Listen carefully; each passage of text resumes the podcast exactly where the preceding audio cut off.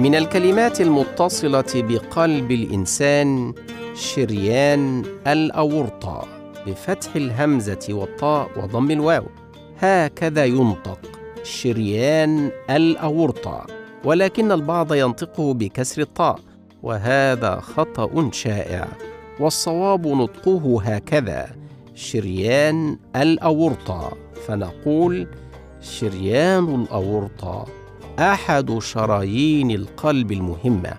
والجدير بالذكر أن كلمة شريان تنطق بكسر الشين وبفتحها.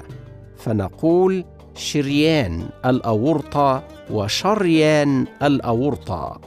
فاللهم إنا نسألك أن تشفي المرضى وأن تمنحنا الصحة والعافية.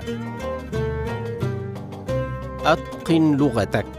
لقطات صوتية نصحح من خلالها نطق بعض الأخطاء الشائعة. نقدمها لكم من ميديا توبيا. ولكم تحياتي دكتور عبد الله الخولي.